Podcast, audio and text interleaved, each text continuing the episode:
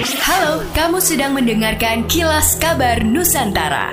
Podcast persembahan KG Radio Network menyajikan berita harian yang mengangkat keunikan dari berbagai wilayah Indonesia. Kilas Kabar Nusantara dapat juga didukung oleh pengiklan loh. Pemerintah Provinsi Sulawesi Selatan melalui Dinas Kebudayaan dan Pariwisata di Sputpar melaksanakan Mulo Forum Pentahelix untuk membahas sektor kepariwisataan. Terdapat 100 orang stakeholder terdiri dari industri pariwisata, perguruan tinggi, media, komunitas, dan OPD lingkup Pemprov Sulsel hadir dalam acara tersebut. Kadis Budpar Sulsel, Asriadi Sulaiman dalam kesempatan itu menegaskan komitmen mendorong semua sektor di kepariwisataan agar menjadi tonggak perekonomian khususnya ekonomi kreatif.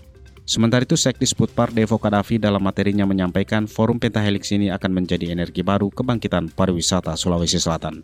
Ia berharap kesimpulan forum ini akan menjadikan pariwisata Sulawesi Selatan merebut posisi sebagai lokomotif terdepan Indonesia Timur.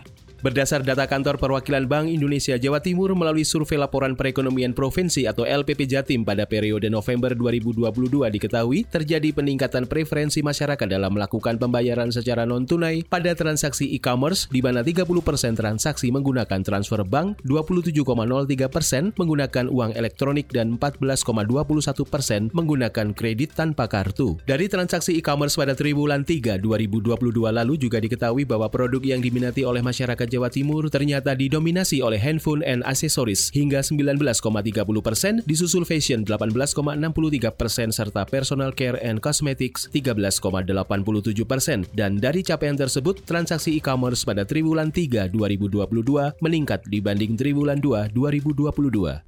Demikianlah kilas kabar Nusantara pagi ini.